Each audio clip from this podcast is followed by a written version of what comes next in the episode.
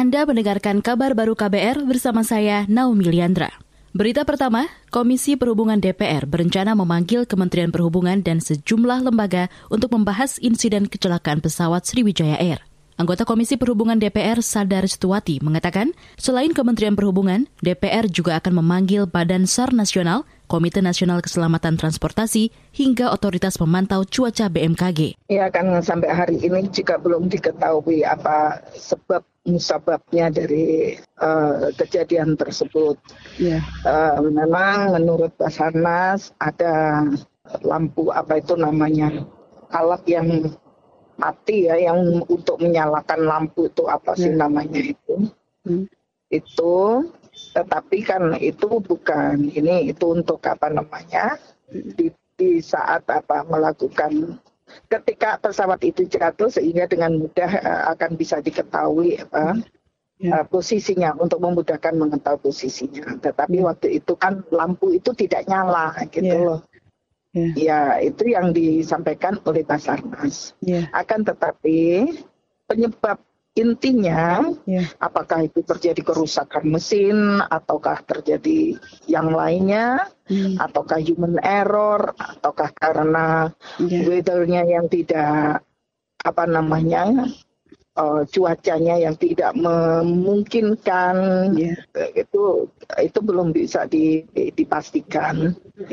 Itu tadi anggota Komisi Perhubungan DPR Sadar Stuwati. Sementara itu, anggota Komisi Perhubungan DPR lainnya Surya Dijaya mengatakan, kecelakaan pesawat Sriwijaya Air harus dijadikan dasar mengevaluasi aktivitas penerbangan dalam negeri secara keseluruhan. Pesawat penumpang Sriwijaya Air tipe 737-500 rute Jakarta Pontianak hilang kontak pada Sabtu lalu. Pesawat itu jatuh di sekitar Kepulauan Seribu beberapa saat setelah terbang. Pesawat mengangkut 62 orang termasuk awak pesawat. Maskapai Sriwijaya Air mengklaim kondisi pesawat berusia 26 tahun itu dalam keadaan baik dan masih layak terbang. Kita beralih ke berita selanjutnya. Indeks harga saham gabungan IHSG pagi ini bergerak positif di zona hijau dengan tren penguatan. Indeks dibuka di posisi 6.270. Mengutip data RTI, pada awal-awal dibuka indeks sempat menembus level 6.330 atau menguat di atas 70 poin. Penguatan IHSG ini masih dipengaruhi respon positif pasar terhadap rencana vaksinasi yang akan dimulai pekan ini, serta tren penguatan indeks global pasca pengesahan Joe Biden sebagai presiden baru Amerika Serikat. Sejumlah analis bahkan memperkirakan IHSG berpotensi menembus 6.400. Bursa saham utama di Asia lainnya bergerak bervariasi. Indeks Hang Seng Hong Kong dan Shanghai Composite Index Stratis Times Singapura melemah. Sementara itu, data RTI memperlihatkan rupiah bergerak melemah cukup dalam satu persen dan diperdagangkan di level 13.995 per satu dolar Amerika Serikat. Berita selanjutnya, LSM Hak Asasi Manusia Kontras meminta Kepala Polri yang baru nanti tidak lagi menerbitkan diskresi yang sewenang-wenang. Saat ini Komisi Kepolisian Nasional sudah menyerahkan sejumlah nama calon Kapolri pengganti Idam Aziz ke Presiden Joko Widodo. Koordinator LSM Kontras, Fatia Maulidianti menilai Polri di bawah kepemimpinan Idam Aziz kerap menerbitkan diskresi yang sewenang-wenang. Mulai dari surat telegram penanganan kejahatan di ruang cyber, antisipasi unjuk rasa menolak Undang-Undang Cipta Kerja, hingga terakhir maklumat soal larangan terhadap FPI.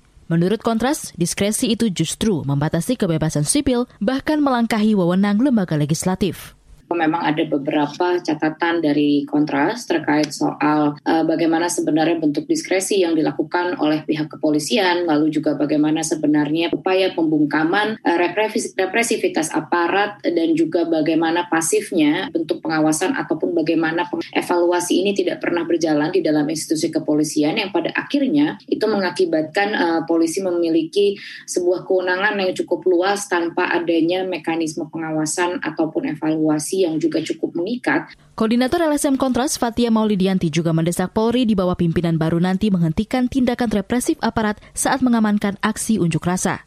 Selama ini sikap represif aparat menjadi salah satu catatan buruk Polri versi Kontras. Fatia juga mendesak Kapolri yang baru untuk berani menindak anggota-anggotanya yang terlibat dugaan pelanggaran hak asasi manusia atau HAM. Kapolri saat ini Idam Aziz akan memasuki masa pensiun pada 1 Februari mendatang. Sejumlah nama calon Kapolri adalah Gatot Edi Pramono, Boy Rafli Ahmar, Listio Sigit Prabowo, Arif Sulistianto, dan Agus Andrianto. Demikian kabar baru KBR, saya Naomi Liandra.